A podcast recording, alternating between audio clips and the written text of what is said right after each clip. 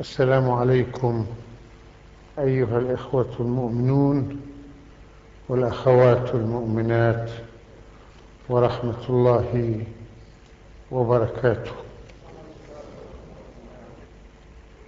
يقول الله سبحانه وتعالى في كتابه المجيد ومن الناس من يتخذ من دون الله أندادا يحبونهم كحب الله. والذين آمنوا أشد حبا لله. لا بد أن تكون علاقة إنسان بالله علاقة إيمان لأن الفطرة الإنسانية التي أودعها الله في كيان الإنسان تجعله يؤمن بوجود الله كما لو كان يراه. وهكذا عندما ينفتح الإنسان على الله ليعرف أن الله هو سر وجوده فهو الذي خلقه وأودع فيه كل العناصر التي تمثل كل حاجات وجوده. فخلق له السمع والبصر وخلق له العقل والقلب وخلق له كل ما يحتاج إليه في طعامه وشرابه وفي كل ما يمثل حاجاته العامة والخاصة. وقد قال الله للناس فما بكم من نعمة فمن الله وإن تعدوا نعمة الله لا تحصوها. وهذا ما يعيشه الإنسان عندما يدرس كل ما أفاضه الله عليه في وجوده. فالقضية لا تقتصر فيما في داخل كيان الإنسان بل إننا عندما ندرس حاجاتنا الكونية فالهواء الذي نتنفس هو نعمة من نعم الله. ولولاه لما استطعنا أن نعيش والماء الذي نشرب هو من نعم الله سبحانه وتعالى. ولولاه لم نستطع الامتداد في الوجود والطعام الذي نتغذى به هو نعمة من نعم الله في كل تنوعاته التي تمنحنا القوة والاستمرار في الحياة. فالإنسان الذي يدرك كل هذه النعم التي أفاضها الله عليه لا بد أن يعيش الحب لله. فنحن نحب بعضنا بعضا لبعض ما أفاضه الله على بعضنا البعض. نحن نحب إنسانا لجماله أو لقوته أو لعلمه أو لخبرته أو لعطاياه. ولكننا لو رفعنا أنفسنا إلى رحاب الله لرأينا أن الله هو الذي خلق في الجميل الجمال وخلق في العالم العلم وخلق في القوي القوة. فكل ما يملكه الناس مما نحبهم لأجله فإنه هبة من الله ونعمة من الله. فعلينا أن نحب الله لأنه له الأسماء الحسنى وله الفضل علينا وله العطاء كله في كل مواقع حياتنا. وعلى ضوء هذا فلا بد للإنسان أن يقارن بين الله وبين خلقه أن يقارن بين ما أعطاه الله وبين ما أعطاه الخلق الذي هو هبة من الله وبين ما يتميز الله به من صفات العظمة وامتدادات النعمة وبين ما عند الناس. ولذلك لا بد أن يكون حبنا لله فوق الحب وفوق الناس. ولكن الناس يغفلون عن ذلك. فقد يحبون بعض الناس كما يحبون الله.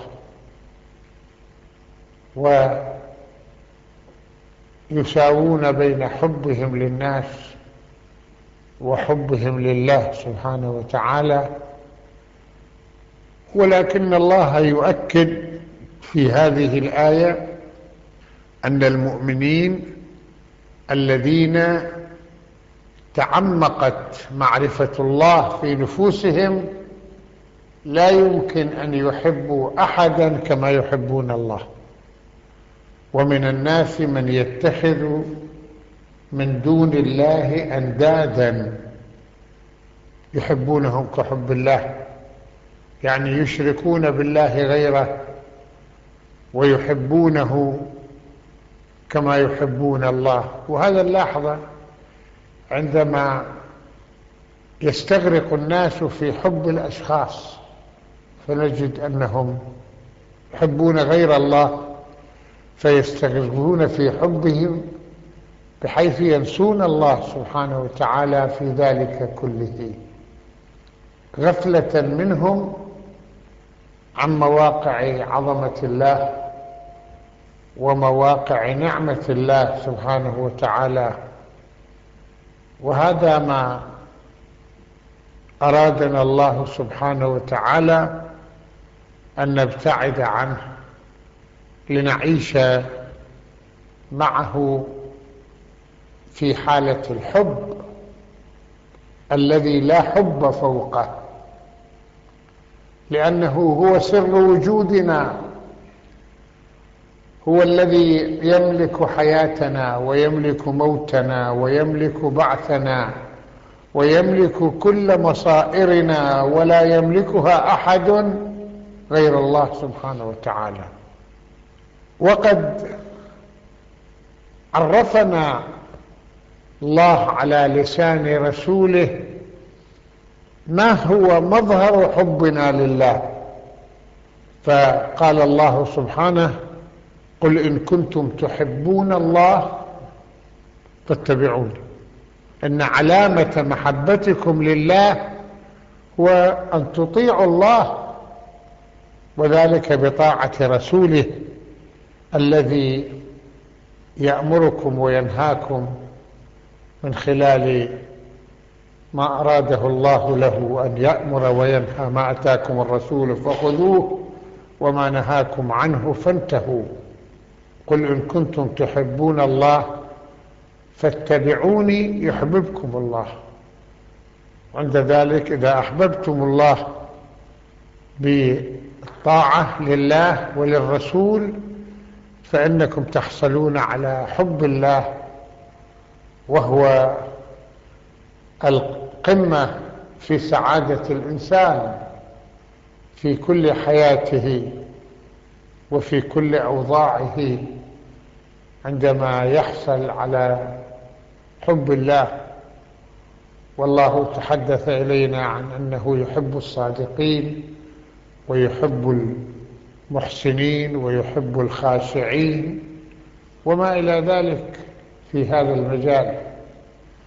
أما أن نحب الله ونعصيه فهذا أمر لا ينسجم مع طبيعة التوازن العقلي والتوازن العاطفي للإنسان. وقد جاء في بعض الأشعار تعصي الإله وأنت تظهر حبه. هذا لعمرك في الفعال بديع. لو كان حبك صادقا لأطعته إن المحب لمن يحب مطيع. وهذا هو ما ينبغي لنا أن نتحرك فيه وأن نحصل عليه. ومن الناس من يتخذ من دون الله أندادا. يعني شركاء يحبونهم كحب الله والذين آمنوا أشد حبا لله. ثم الله سبحانه وتعالى يحدثنا عن يوم القيامة وكيف يواجه هؤلاء الذين ظلموا أنفسهم بالشرك أو بالكفر أو بالمعصية. ولو يرى الذين ظلموا إذ يرون العذاب أن القوة لله جميعا. فهناك بعض الناس الذين إذا رأوا الأقوياء خشعوا لهم وخضعوا لهم وأطاعوهم في معصية الله ولكن الناس عندما تقوم القيامة ويقوم الناس لرب العالمين ويرون كيف يتساقط كل الأقوياء الذين كانوا في الدنيا وكيف يتمثلون الضعف كله. وليس هناك إلا الله. فنحن نقرأ أنه يوم لا تملك نفس لنفس شيئا والأمر يومئذ لله. وينادي المنادي لمن الملك اليوم؟ ويأتي الجواب لله الواحد القهار. فالإنسان حسب هذه الآية يدرك مدى قوة الله سبحانه وتعالى التي تتصاغر أمامها. قوة كل الأقوياء الذين كانوا يفرضون قوتهم على الناس وعلى الدنيا كلها. ولو يرى الذين ظلموا إذ يرون العذاب مع أنهم كانوا يمثلون القوة كلها أن القوة لله جميعا وأن الله شديد العذاب. ثم يبين لنا الله سبحانه وتعالى علاقة التابعين بالمتبوعين لأننا في حياتنا التي نعيشها فهناك جهات تتبع بعض الأقوياء سواء كانوا أقوياء سياسيا أو اقتصاديا أو أمنيا فيتبعونهم فيما يأمرونهم به أو ينهونهم عنه من معصية الله والانحراف عن طاعته. ويقف الجميع يوم القيامة وكان التابعون يتصورون أن المتبوعين وهم الذين كانوا يملكون القوة أنهم هم الذين ينقذونهم في الآخرة كما ينقذونهم في الدنيا وإذا بهم يواجهون أن هؤلاء لا يملكون شيئا وأنهم يقفون موقف الضعف أمام حساب المسؤولية. إذ تبرأ الذين اتبعوا يعني هؤلاء الزعماء والأقوياء والرؤساء الذين كان الناس يلهثون وراءهم وكانوا يطيعونهم في معصية الله عندما يقول لهم جماعتهم وأتباعهم أنقذونا فيقولون لا تحملونا مسؤوليتكم. أنتم ناس مش ملاح. نحن ما إلنا دخل فيكم كلية.